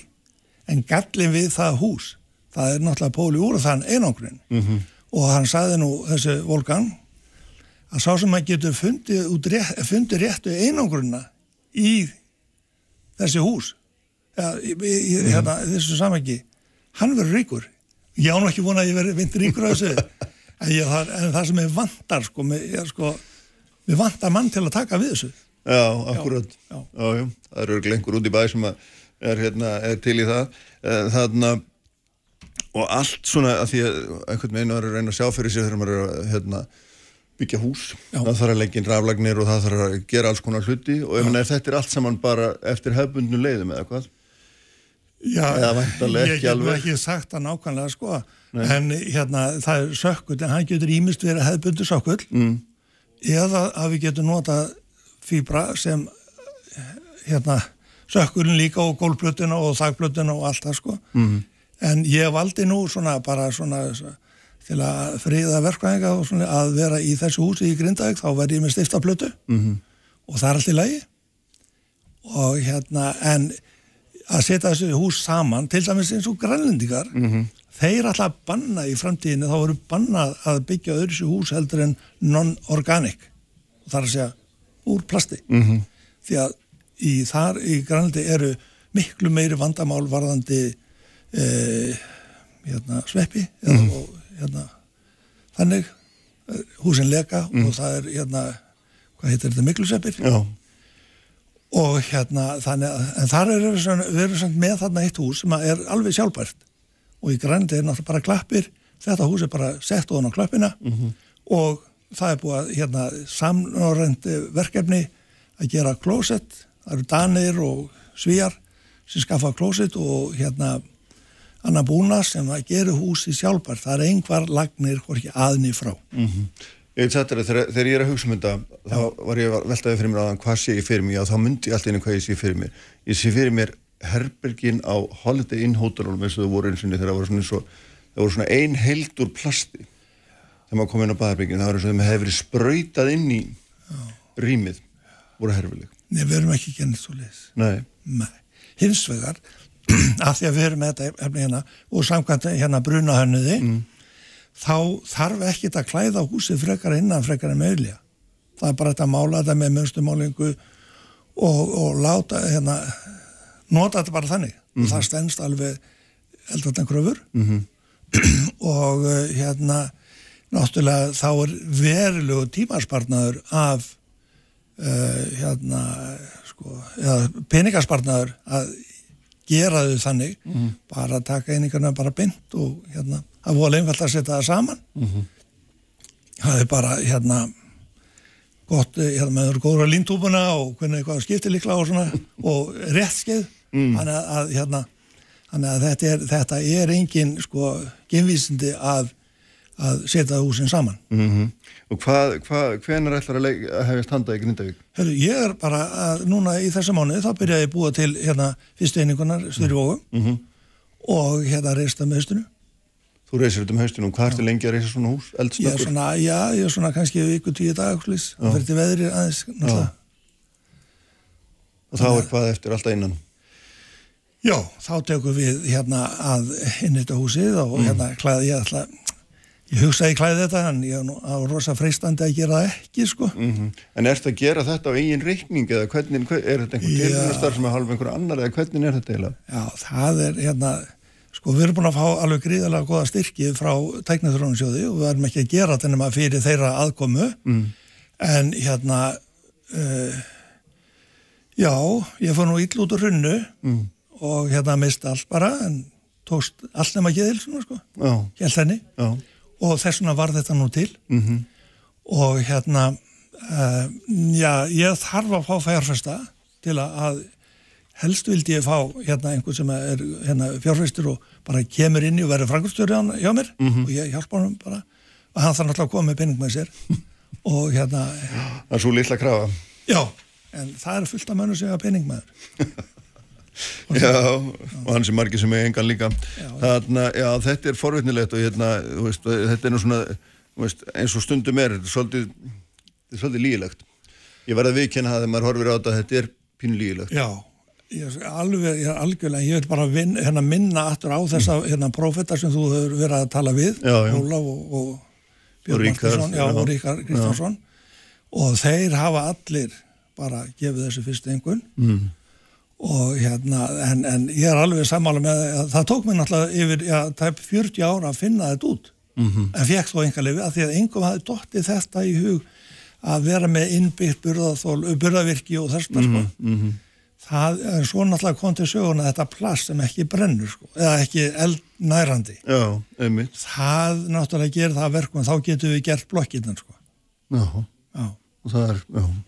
Heru, þetta er hérna, það verður gaman að fylgjast með þessu einn, hérna, sjá hvernig þetta, hérna, kemur ég allt bara býðir hérna, hérna, Býður mér innflutningspartíið. já, til að reyfa að þreyfa á þessu út. Já, og hérna, já, já, þetta er bara þeir sem að þreyfa á þessu þeir skiptum skoðun á, á stundinni hafið þeir haft einhverja efasamdir í, í brjósti um, eh, hérna, um ágætið þessa það kemur í ljós. Já. Takk fyrir að koma. Þakka ekki alveg fyrir Og hérna, og það var nú minnst, og hérna ég ætla að halda hérna áfram með þeim Odnju Haraldóttur, Bryndísi Haraldóttur, Eriki Bergmann, Jóhansi Þór skóla sinni. Við ætlum að ræða eins um hérna klassísku umræðum veiruna og svona viðbröð við henni. Sprengisandur. Alla sunnudaga á bylgjunni. Sprengisandur á bylgjunni. Sæli hlustundur, uh, þá Reyn Grímsson farin frá mér eftir að hafa kynnt mér og ykkur þessa merku nýjung sem hann er að vinnað og hérna svona sjá hvað útræðinni kemur. Að byggja hús úr trefjaplasti, ég þurfti að láta segja mér þetta. Tveim sinnum og þrem eins og sagt er en hann sjáum hvort að þetta verður að veruleika hjá honum. En uh, allavega mjög hérna spennandi hugmynd. En ég ætla að halda áfram umræðu sem ég verið með í gangi núna undarfarnar vikur auðvitað og það er svona þetta sem hvernig við ætlum að stilla, þetta, stilla samfélagið eftir að þessi leiðend að vera skaut upp kollinum og, og hérna svona margan hátt hefur gjör breytt gjör breytt hérna tilverunni, ég held að sé ekki hægt að óhætt að segja það uh, og svona vaki upp margar spurningar um, um hérna svona daglegt líf. Uh, þau eru hérna hjá mér Odni Haraldóttir, Bryndís Haraldsdóttir, Eiríku Bergmann og Jóhannes Þór Skúlason er einhver staðar uh, norður í landi held ég og Síman og Jóhannes heyrir til okkar? Ég gerir það. Já, takk, gott, velkomin og þið öll velkomin líka. Hérna Uh, við ætlum að, já, hérna, sko, það sem er svona, það er, sko, mjögst áhugavert Eiríkur, hérna, bauður þess að þú ert aðeins að fjalla um þetta sem að, hefur ekki mikið verið rætt og er þetta svona, hérna, en er mjög mikið svört og það er þetta svona frelsi, frels okkar til þess að vera til, samkvæmt því sem við viljum, frelðast, hérna, vera í samskiptum og, og svo framvegis, sko, og það sem svona, mér finnst þess að þeirra svona, við höfum veitt þessu allt og lítinn, litla aðtekli í þessar umræðum. Já, sko, við, við er verið að fást við bara feikilega flókið og snúið vandamál sem að enginn hefur einhverja patentlaust við. Og veröldin hefur bara öll verið í kapplaupi, í viðbröðunum sem að, að sko lausninar eru bara hannaðar um leið og aðbörðinir eru, eru að gerast en svona út frá kannski svona stjórnmálafræðinni og þeim vinkli öllum saman sko að þá finnst mér aðtæklusvert hvað sjóna með að borð við mannréttindi eh, frelsi einstaklingsins mann helgismál og þörstar koma lítið inn í umræðuna og ákvarðana tökuna eins og til dæmis núna í þessari seinustu ákvarðunum lókun landsins mm. að um, þá vóu salt uh, sjónamið sem að lutu að heilbríðismálum eðlilega og svo efnagasmálum mm. eins og þar um, ég herði ekkert í rauksendafæslunni uh, fyrir ákvarðanatökunni sem að leit að frelsinu uh, réttindum okkar sem manneskjur mm -hmm. ferðafrelsi okkar og svo framvegis Eh, auðvitað kann það að vera réttlætilegt að sko, skerða frelsi fólk við, við sjálfverðar aðstæður. Um, það þarf hins vegar að eh, raukstiðja og undirbyggja og það sem er kannski sérstakast fyrst mér við þessa ákvörðun er að hún er ótímabundin. Mm. þetta er ótímabundin lókun landamærina, fólk er reynlega læstinni Já, svona de facto lókun getur við sagt og að sé þetta Já, hún er eiginlega lókun, já, já, já, ég menna að þetta er lókun að því leitinu til að eh, sem sé það ferðarferðsi sem áður var er eh, sko nánast úr sögunni eh, það en ég er ekkit að efast um að það kunni ekki verið réttlætalegt, það er mm. ekki það sem ég er að segja mm. Um, en það sem betur fyrir ekki stjórnmálamöður Nei, og hérna þarf ekki að, taka endilega uh, afstöðu þanniglega til þess. En svo er það líka annað sem mér hefur fundist mjög aðtilsvert í þessu máluöld sem hann hérna heima er hvað svo lítið sko, stjórnmálinn hafa tekist á við þetta mál. Mm, uh, ég, það má segja að okkur hafi búrist gæfið til þess framan af að um, sko fylgja ráðleggingum vísindamanna en það er hins vegar sko innan tómur frasi í sjálfu sér því að vísindi er uh, sko samkeppni hugmynda um þekkingu sem að tekist ráum og er ekki sko einhver einn niðurstaða um, eins aðilega eða fámenns hóps mm -hmm. heldur eru vísindarleg niðurstaða miklu flóknara fyrirbæri og nær eins og í svona máli sem að lítur ekki bara heilbyrðismálum heldur efnaðarsmálum, margirtindamálum og svo framvegis heimsbyggilum hugmyndum um lífið og frelsi og svo framvegs að svo miklu, miklu öðru. Mm -hmm. um, og stjórn það er eins og stjórnvöld hafi sko veigra sig við að taka sjálfstæðar ákvarðanir í málunu ég veit ekki alveg nákvæmlega hvað veldur en, og það býr til annað vandamál sem að er að ákvarðanin verður ekki lengur nægilega líðræðisleg um, það eru jú uh, þingmenn sem eru kjörnir þeir mynda ríkistjórn og þeim ber að taka ákvarðanir út frá miklu floknari sjónamiðum heldur en að sérfræðingar geta gert mm. og um, mér virtist vera sem að sótvartanlagnirinn hafi akkurat verið að segja þetta, hann er að segja Já. ég get ekki lagt annað til heldur en þess að ég til verið réttast út frá þessum þröngu sjónamið sem eru sjónamið þess að þurfu önnur sjónamið að koma til Já. svo þegar ákvörðin er tekin mm. þá virðist hún vera tekin einverðingu út frá þessum einu sjónamiðum og strángast á útfæslan af þeim nýju eins og ég skildi það hefði verið lagðar til mögulegar var valinn af einhverjum ástæðin sem að mér finnst ekki alveg nægilega útskýrðar mm -hmm. og bara lokum að þá fannst Já. mér eins og komið væri ákveðin svona sátt í þjófélaginu um þessa strönguleið sem að var um að skima alla sem hinga komu Íslandingana tvísvar en síðan væri einhver listi yfir uh, öruglönd og manni fannst þess að þarna var kom, væri komin einhver aðferð sem að, sem að fólk hefði sæst á síðan myndi kannski vera að tógast eitthvað á um það hvað var öruglönd og hvað var ekki öruglönd og við sjáum örglönd í kringum okkur búa til skýrt skiljanlegar skilgreiningar um hvað sé öruglönd og hvað ekki. En uh, það er eins og að Íslands stjórnveld hafi ekki tressir til þess að halda sig við þessa sátt og rauninni rofið að einhverju leiti sáttina í landinu. Mm. Myndís, má ég byrja að breyðast þessu, þetta var langt og hérna, mjög efnismikið og innihaldsríkt verði að segja þarna og margar mikluar spurningar þarna, sko, sem að má bara... En ég tek aftur fram já. að sem betur fyrir því að ég ekki standa fram nei, því að taka nei, svona einmitt, en það má líka kristalla þessa ræðu í einn ágætan frasa sem er það að stjórnmenn þá að skilt sér að baka sótvarnalegni og nú er komin tími til að stíga fram. Já, nei, ég fagna þessari ræðu hérna hjá Eiriki Bergman og ég held að það sé einmitt mikið vett við förum að ræða þetta út frá frelsi einstaklingsins.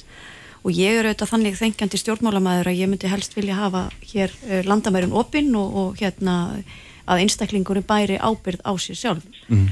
Svo auðvitað erum við í einhverju krísu ástandi núna og sem við þekkjum öll og við höfum, ég vil ekki segja skilt okkur á bakvið sótvartarlæknir eða falið okkur á bakvið einhvern einn ákveðin vísendamann við höfum ákveðið að fylgja fagþekkingu en það er upplýst pólitísk ákverðun í hvert skipti fyrir sig að hún er tekin af eh, ráðherra mm -hmm Eh, eftir samtal við ríkistjórn að fylgja ákveðum leiðum. En eftir alltaf nákvæmlega eins og lagt er til, já, það hefur aldrei hefur, verið ein minnsta frávík. Já, hún hefur verið það og ég held einmitt að, að núna þegar þing kemur saman aftur uh, í vetur eða í haust að þá þurfum við einmitt að fara að ræða þetta svona til lengri tíma liti því að þegar þetta skellur á hérna fyrir vetur að þá er þetta, þetta svona krísa ástand.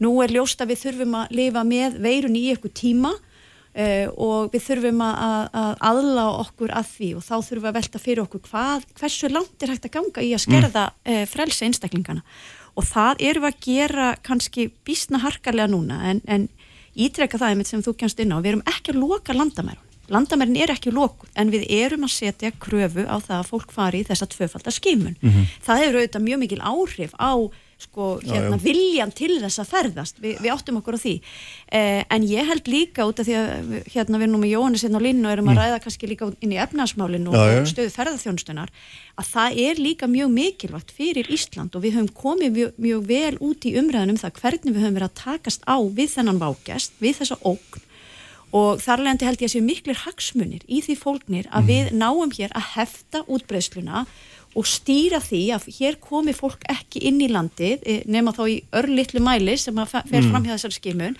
þannig að við náum áfram að marka sétta okkur sem sko reyna náttúru og indislegt land og ég held bara að það séu ákveðin tækifæri í því já, að halda fast og vel utanum þetta sko fyrir utanum þetta heilsu landsmanna sem já, er þetta staðista mál. Það er aldrei merkilegt að hagfræðingarnir fyrir viku töldu allir að hérna, hagfræðilegur ávinningur að því að hérna, hafa opið væri hann var í, í lámarki eða mjög lítill en svo fengum við greina gerð frá fjármánarandunum þar sem var sagt að ávinningur á því að hafa opinn landa væri skiptið sko 20 miljardar ég man ekki hvað það var. Otni, hvernig, hvernig horfir þetta allt saman við þér? Já, ég vil taka undir með Eriki og Bryndis að við þurfum auðvitað að ræða þessi mál og, og frelsi einstaklingsins, uh, ferðafrelsi, felst í því frelsi til að smita aðra af, líf, af lífsættilegum sjúkdómum, það er mm. svona mm. já, sem við þurfum að taka inn í, inn í þessa jöfnu eh, við þurfum líka að gæta líðræðinu og þegar að stjórnvöld hafa beitt hörðum aðgerðum sem að vísu hefur ekki gæst hér eins og útgöngubanni þá er auðveldara að beita því aftur eins og Eirikur Bergman hefur bent á þegar að, þegar að mótmælinn kom upp uh, hérna mm -hmm. út af uh, þegar að, að uh, svertingin var sem ég núna man ekki hvað hétt uh, var tekin að lífi á lauruglunni og, og mótmæli, já, já mótmæli bryggst út. Þá er auðvildara kannski að setja á útgöngubanni að því það var nýbúið að gera það út af veirunni. Þannig að það er ímið svona stórmál sem við þurfum að, að, að gæta að og líðræðið er þar, þar líka undir. En ég held að þegar að e, ákveði var að, að svona, liðka til í, í júni þá hafi verið svona góð sátt um að fara eftir ráðleggingum sóttvarnalæknis. Mm, já, já, það var það. Og ég held að stjórnvöld hafi, hafi, hafi hugsað sem svo, uh, við gerum þetta svona, þá getum við e, svona styrt stöðu ferðarþjónustunar en haldi uppi sóttvörnum um leið og, og síðan, síðan kom það að daginn að þetta var ekki mjög góð hugmynd og hún var ekki nægilega vel undirbyggð efnaðslega eða eða hérna eða til lengri díma ef við mm. horfum á, á, á félagsleg vandamál en það sem að mér finnst vera það sem ég vil kalla bara vita verða vannrækslu mm -hmm. er að stjórnvöld skildu ekki hafa nota tíman til þess að gera plan og áallanir um hvað tekur við, hvað gerum við ef að, ef að e, smiti fer að stað og ef að við þurfum að, að svona næstu því loka landamærum eins og við erum að gera núna mm -hmm. það er ekkert plan þau, þau sátu svolítið lengi í því að mér fannst að vera svona ána með sig hvernig þetta gekk allt saman og hvað útlendinga verið mikið að segja hvað við varum flink sko mm -hmm. í staðan fyrir að setjast niður og, og, og setja niður plan vegna þess að þau vissu að áhættan var töluvert það þurfti bara einn ferðamann til þess að, að setja okkur aftur á byrjunarreit bæði mm. heilsufarslega og efnaðslega mm -hmm. og það er það er ekki Hverju hefði það plan átt að félast? Já, það, það áttu bara fyrsta lagi að huga að efnahag heimilanna efnahag atvinnuleysa fólksins mm. núna eru við með tæp 22.000 manns atvinnuleysa og það mun vaksa, svo tala mun hækka og, og það er, er stórkoslegt efnaðslega vandamál heimilana sem blasa við, sem er bara bráðavandi sem það þarf mm.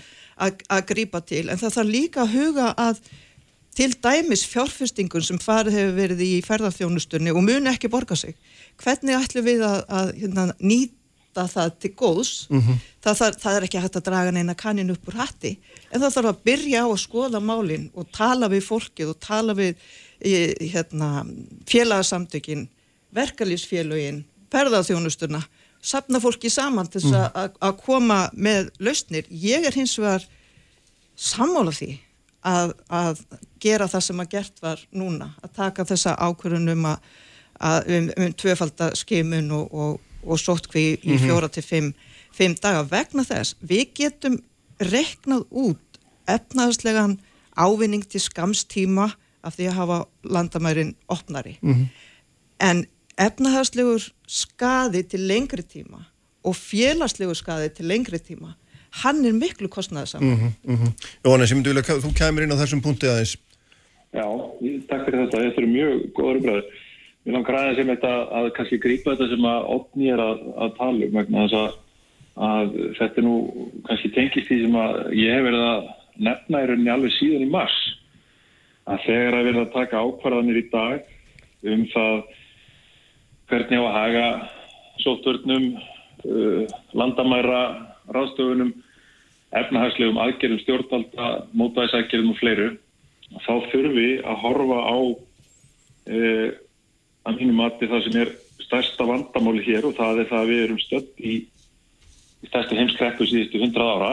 Það, við sjáum það líka bara á, á hérna, löndum í kringum okkur að það er, það er þetta að realiserast núna þessi niðursöfla, þetta er alvöru. Og það þýðir það við þurfum að horfa inn í það ákvarðan sem við tökum í dag muni að hafa áhrif á það hvernig okkur tæst að vinna okkur upp úr þessu og við halda lífskjörum og byggja aftur upp lífskjör fólks í landinu til lengri tíma litið.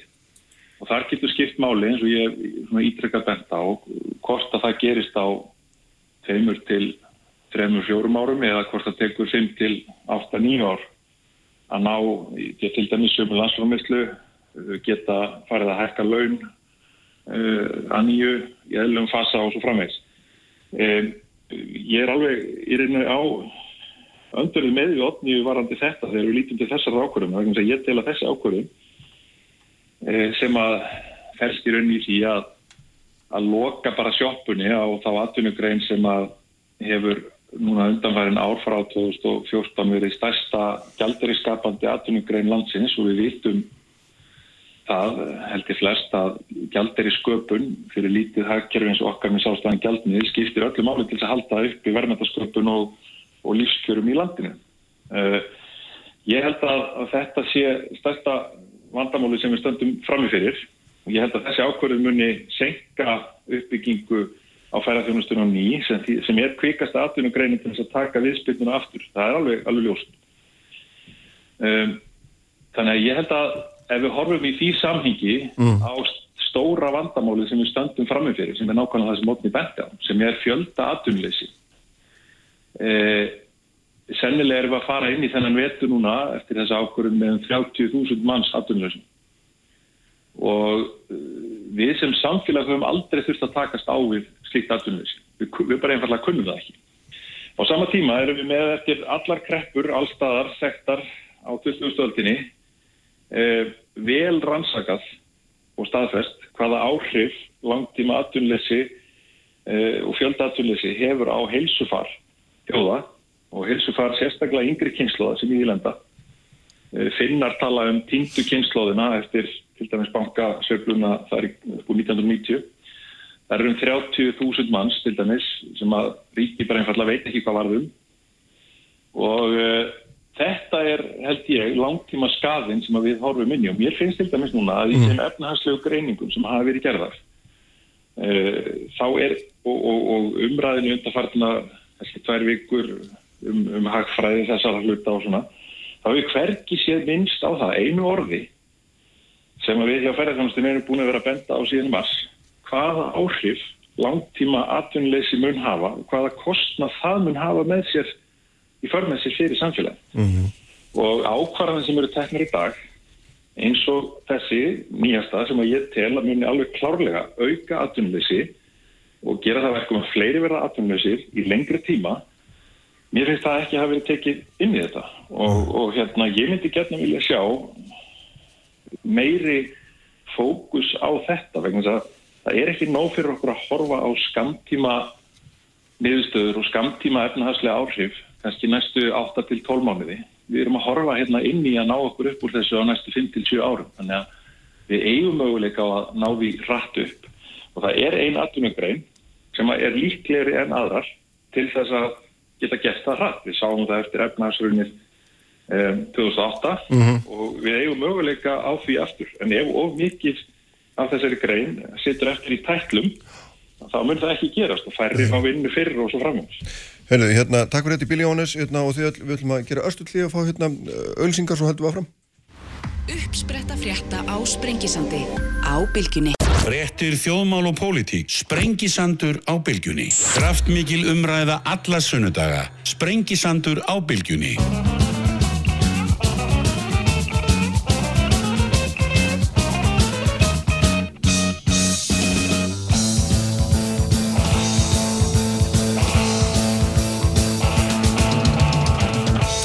Sælir afturlustendur, við erum hérna á loka sprettunum, þau eru hjá mér Eirikur Bergmann, profesor uh, og ekki stjórnmálamæður eins og hann tók fram sjálfur í tígang þarna og, og hérna Bryndis Haraldsdóttir og Adni Haraldóttir og svo er Jóhannes Þór Skúlason í símanum og við höfum auðvitað verið að fara yfir alveg gríðarlega áhugaverða punta því öll með hérna svona þessar, þessar mismunandi áhörlu sem þarf að taka til til þeim en að hugsa um framtíðina.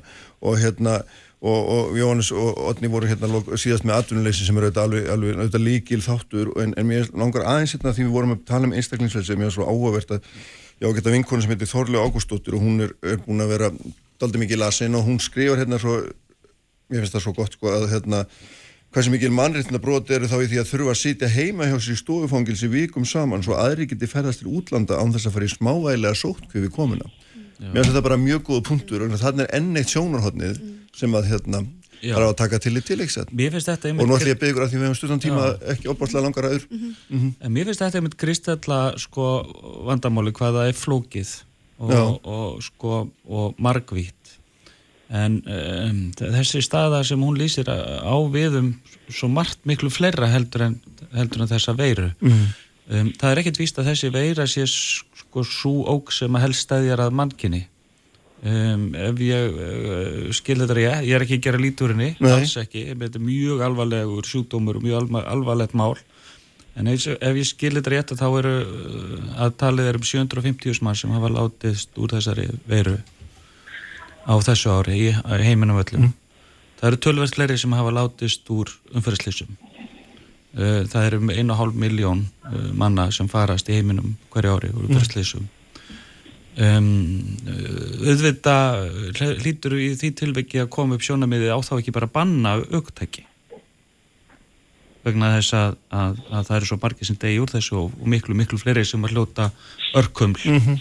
uh, í kjölfari en við höfum ákveðið að, að sko uh, lifa með bílnum og finna hérna einhverja leiðir til þess að koma á hann bönd það er með rauðum ljósum og mm -hmm. ámars hérna, reglum og svo framvegis En við sem samfélag höfum til dæmis ekki farið út í það að uh, banna aukutæki sem geta ekkið yfir hámarsraða sem væri auðvitað að blasi við að vera alveg hægt að gera. Og það er út af því að, að uh, það er eitthvað sem lítur að sko uh, hérna, frelsi einstaklingsins og því að treysta fólki í síðu mm. samfélagi. Og það er líka marg sem bendir til þess að leiðbenningar geti skilað jafn miklu og bóðabönn í þessum öfnum sýnir bara hversu sko flóki þetta vandamáli er.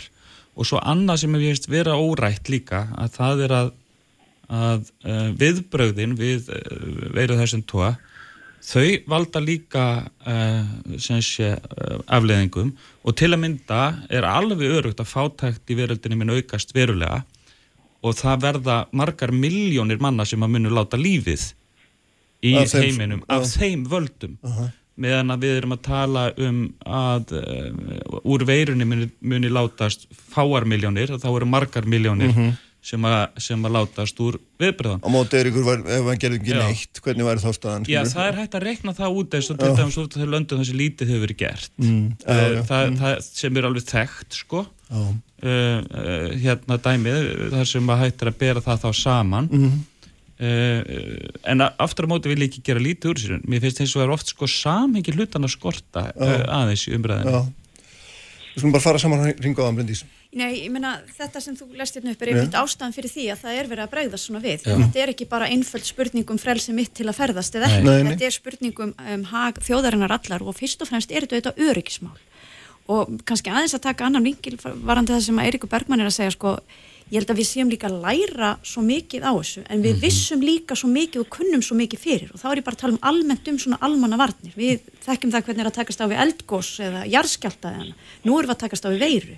Og ég ætla að leifa mér að efast um að þetta verði fyrsta eða eina veira sem við tökumst nefn það má alveg búast við því að mm, við munum vera að klíma við eitthvað svona sambærilegt á næstu árhundruðum og áratugum. Og þar alveg erum við að byggja upp óbúslega mikla þekkingu með þessari aðferðafræð okkar pluss að þetta hér er vísinda samfélagið í miklum blóma í tengstum við þetta. Og það er líka mikil svona þjóðhastlegur hagur í því að hér eru að skapast fullt af störfum tengt því og vonandi hægt að byggja enn frekar ofan á það. Og það er ákveðin tækifæri. En aðeins út af Jóhannes tala hér um ferðarþjónustun áðan og, og mikilvægi hennar sem ég tek vissulega undir. Þó að ég vilja nú horfa þannig á að það sé ekki að vera sko stjórnmála manna að ákveða að þetta er að vera okkar aðal atvinnugrein eða eitthvað önnur, að þá er það fyrst og fremst auðvitað hlutverk okkar að byggja hér bara upp almenn góð rekstrar skilirði og tækifæri fyrir atvinnu uppbyggingu og ég held að þessi ríkistjórn hafi uh, gert það mjög skýrt. Nú erum við að leggja meiri áherslu á nýsköpun heldur en nokkuð tíman áður þó að þetta sé orð sem að sé alltaf hérna vinsælt mm -hmm, já, já. en það hafa aldrei farið svona miklu fjármunir og, og svona ma massi vinna í það að vinna með nýsköpun, íta undir hérna vísindastarfið, uh, setja meira núna inn í mentakerfið og það, svo verður við að treysta fólki í landinu að mm. það finni tækifæri í þessari þó óg sem við glýmum við. Þetta er langtíma lausn við skamtíma vanda eins og stundum við sagt. Uh, já og nei, en við erum mm. samt sem aður að sjá það við erum ekkit á einhvern byrjunaritt þegar kemur að nýsköpuna vísinda samfélagin okkar. Við sjáum hér Livia eða en allt í unnu stóri sam, samningar, tækifærin eru þarna og ferðarþjónustan án Eva tækifæri, hvort að það því 2 miljóni ferðamanna hér árið 2021 eða eitthvað, eða 2022 mm. ég veit ekki, en tækifæri kannski einhvað síðu fyrir ferðarþjónustuna, þrátt fyrir að það séu færri ferðamenn, en það geta verið öðruvísi ferðamenn það geta verið mm. ferðamenn sem vilja koma inn í lengri tíma mm -hmm. og ég held að tækifærin hér fyrir Ísland í ferðarþjónustu til lengri tíma litið eru mikil, þó að þessi aðgerð núna, ég hef þetta skilning á því að hún er, hún er mikið rótök fyrir ferðarþjónustuna, en munum það að þetta er vonandi vonandi í mjög hérna, skamman tíma uh. og við getum þá farið aftur í aðeins rýmri aðgerðu á landamærunum mm. og haldið áfram að markasetja Ísland sem þetta reyna goða land til að koma til. Já, Onni, rétt á hann að þú byrjar hérna eitt enn í viðbútt sem er langar að hendinni og það er auðvitað þessi spurningum hérna, hvort maður er að reyka samfélag eins og harmoníku, eða við að gera það þannig eða við að loka stundum og svo opna aftur eftir því hvað við eða, eða þurfum við að finna. Veist, það er mjög flókið að reka einhverja starfsemi í slíkum samfélagi. Já, það er auðvuslega og eins og erum við náttúrulega þegar að byrja að gera. Það er samfélag okkar flóki núna með já, þessari veginn Já, já, já En svo eru, bara í framhaldi því sem er brindis er að segja, mm. við erum auðvitað að, að vonast þess, þessa bóluefni komið sem finnist sem fyrst já, já. og þannig séum við að, að, að huga því við, hvað við getum gert í skamstíma en eh, mér finnst nefnilega núna þessi ákverðun hafi verið betur undri byggð bæði efnahagslega og svona frá öðrum sjónarhóttnum heldur en svo sem var tekinn 15. júni og við erum að læra svolítið af því sem að gerðist þegar við þurftum að þegar samkomiðbanni var og skólum var lokað og, og það var takmörkuna á leikskólum og, og, og kjænslu yngri barna vegna þess að við þurfum líka að horfa á hlutina út frá stöðu barna og áhrifum til lengri tíma og þeirra þroska, ekki bara námslegan þroska, heldur líka félagslegan þroska og ég vil frekar hafa strángari reglur á landamærum og geta haldi skólastarfi gangandi. Mm -hmm. Því að það, hefur, það skiptir svo miklu máli fyrir ungmennin, ekki bara núna, eða frá degi til dags, heldur til lengri tíma og mhm. hvert ári framhaldsskóla, það bætir við þann háfa sem að einstaklingur uh, býr til uh, það hefur verið reiknað út sem við segja 7% mm -hmm. en mhm. eitthvað svona í kringum 10% sem að skiptir mjög miklu máli til lengri tíma og, og skipulögð skipulagt tómstundastarf fyrir börn og úlinga það, það hefur síðan forvarnar uh, gildi til mm. framtíður út af výmöfnanótkun, það er svo margt að þarna sem að við þurfum að skoða og ég í, í mínu fyrra lífi vann ég með ungu fólki mm. og, og ég er bara sveið að, að, að sjá þau, þau detta út úr framháskólum sem ekki höfðu sjálfsaga, sem ekki mm. höfðu aðhaldið og eftirliti heima fyrir e, vegna þess að þú þurft að, að vera í fjarkenslu í, í vor og það, það er þess, til já, þess vinnan um, Já, ekki þegar þú varst í þessu heldur núna bara Heldur núna já, og líka þegar í samtölum mínum við, við vini mína í kennarastjætt þá voru þau kvíðinn mm. yfir, yfir höstunu og hvernig ja. þetta ætti alltaf að byrja ef við myndum ekki reyna að, að mm. hérna svona taka á veirunni núna mjög, mjög fast sko. Það er náttúrulega líka þannig að þetta hérna, allt, allt, allar tafir og skólahaldi eru þetta sjálfkrafa tafir og aðunilíu þá þurfum allir fólkdrarnir að gera annað en að fara í vinna Jónis hérna, kannski þú komir inn hérna núna sko kannski sko framalda því sem ég las hérna upphauð, þú náður því alveg var það ekki? Jú, jú, Já. Sko, sko þetta er ég held að þetta er bara allt mjög góða punktar og ég vil nú það gjáðast að það sko að hafandi hafandi unnið í fórsættsánundinu þá þekk ég það ágætlega að það er engin góður kostur í svona stöðu það er engin einn tauralöst sem að getur bara einhvern veginn retta málinu og ég segi nú eins og Eiríkur sko, ég hef nú stundu þakka fyrir það núna það þurfu ekki að vera í því sæta fyrir að taka þessar ákvarðan mm.